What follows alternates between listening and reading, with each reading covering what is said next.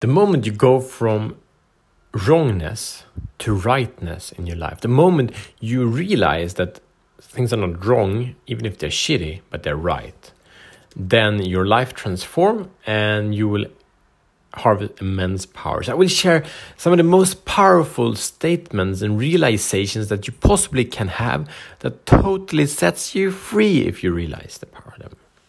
Right? How would you like that? So uh, we I will share some some some kind of it's not affirmations, just some statements I, I, I confirm or maybe I affirm them for myself. Uh, I do it on a daily basis, and it's such good freaking start of the day. Uh, it sets me off for success and transformation. Really beautiful transformation, day by day by day. And I share this with clients, and they have tremendous transformation as well, starting with this clarity. Before, welcome to Show the Fuck Up podcast. My name is Matt Fyron. This show is for you and for me. We are men that are ready to free ourselves from the prison of playing small and unleash our personal greatness. We do this because we know we have more to give. We know there's a force, a strength, a power that we want to share with other people. We want to, to, to help ourselves and we want to help others when we've been able to help ourselves to good place. So, um, hmm, where do we begin? Yeah. So we, we come from a place, uh, a lot of men are frustrated. A lot of men are disappointed at themselves, at their boss, at their wives, at their kids, at their dads, at their parents, at the childhood, at their the school, the teachers, at the country, at the president, at the environment, at I don't know what. but it's a hell of a lot of frustration out there. What are you frustrated about? What feels like a wrongness is, is something that you don't like, appreciate, or, or experience. What is that in your life right now? The problem with that, when we make something else wrong, we make ourselves wrong. So, what does that mean? So, in the moment where something happened in my life, say the divorce of my parents when I was uh, six years old, if that should not have happened, it's like, no, that was bad thing. My parents should not have divorced. Why the fuck didn't they stay together? Why didn't they show the fuck up to stay together? Why didn't do whatever it t- took? Then I say, by saying that, I say, what would have been right, what would have been correct, would have been that they were together. And then I'm saying, what's wrong is that they divorced, right? And then I'm saying, my life experience has been wrong because they were not together anymore. It can be the same as nothing. Your wife didn't acknowledge you, you know, the way you want. You didn't see the effort you put in to to to make her day better. And she said she should have, but she didn't, making her wrong, meaning she didn't treat you as you should, meaning your life is not as it should, meaning your life is wrong. The problem with life that is wrong, we can't do shit about it because it's wrong. We can't try to to fix you know other things to make other people fix themselves but our childhood is our childhood and and the disappointments frustrations and overwhelmed the depressions we've had they've happened. We can deny them and we lose our power. We can acknowledge them and we gain power.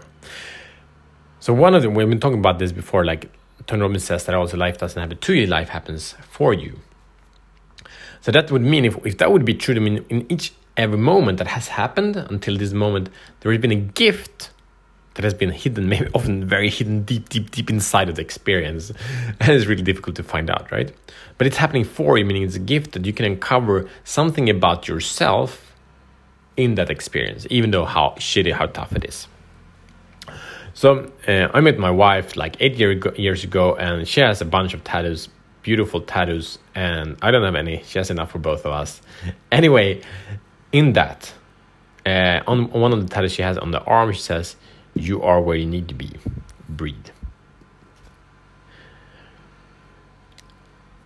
You are where you need to be. Breathe.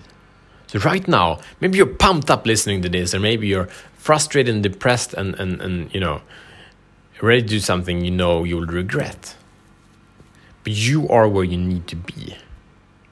And I will share with you some other ways to say that that I think I might maybe even more even more powerful. You can be the judge of that. Are you ready? This is uh, really fun. This is one of my favorites. I learned it from Peter Crone. Whatever happened, happened. And it was the only way it could have happened. Why? Because that's the way it happened. So, whatever happened in your life happened. Right? It didn't not happen, it happened. And it was the only way it could have happened. How can I know that? Because that's the way it happened. And to continue that, this moment, this is not Peter this is me. This moment, exactly as it is, is the only reality you possibly could experience. Why? Because this is the only experience you have. So can you acknowledge that this is like it's almost silly, but it's true. We need to do this because so, so many of us are fighting the reality of now. So can you acknowledge this moment, this reality, this experience you have is the only moment you have? Can you recognize that? You don't have an you're like I would like to be on a beach, I would like to get a blowjob, whatever. You're this is the only experience you have right now. True? And since this is the only experience you have, if you made other choices before, you would have been different outcome today, but you didn't. And also that moment was exactly the only thing it was. So this moment, exactly as this is the only possible reality for me now. And whatever led up to this moment is the only thing that could have happened because it did. So I am where I need to be. Breed. So that means all the shit, all the trauma, all the abuse, all the misfortune that you've been experiencing has been right. It doesn't mean that the people who violated you did right. It doesn't say that. It means that your life, where it is now, is right. You might might blow up right now on me, and that's okay. Because that's also part of it. So whatever happened happened, and there was the only way it could have happened. Why? Because it happened. You will never be able to undo that. We can reframe. We can do another story, but we can also start by acknowledging that whatever happened happened. All right. So uh, that's really it that's it. Your mission, should you choose to accept it, is to state this. You can do some variation of this, but such a powerful statement. Uh, say this for yourself. Feel yourself for being right, not like right in opposite of others, but right in yourself. You're right. You're okay. Your life is okay. All in your life is what is supposed to be. There, this is happening for you. I invite you to affirm this. I read this for myself. It's one of the first things I have. Daily declaration. Uh, I have a bunch of them, but but this is. May I ask a lot of questions, but this is not a affirmation. Say, oh, oh, you know, life is great, and you know, whatever, something like that. I'm always happy. This kind of affirmation is like a recognition of the now. It's not changing anything. It's recognizing the now. And it's such a powerful place to start. It's the only place of power. We talk about it a lot, right? This moment, exactly this is the only place of power. Acknowledge it, don't want it to be different, acknowledge it, and from that place you can create anything. Share this episode. I know a lot of friends of yours are men that don't accept this reality, this moment as it is, and these people are in prison. These people uh, are stuck and want change that is not possible to happen. Share this episode with them. You might save their life. You might bring them great amount of healing or hope.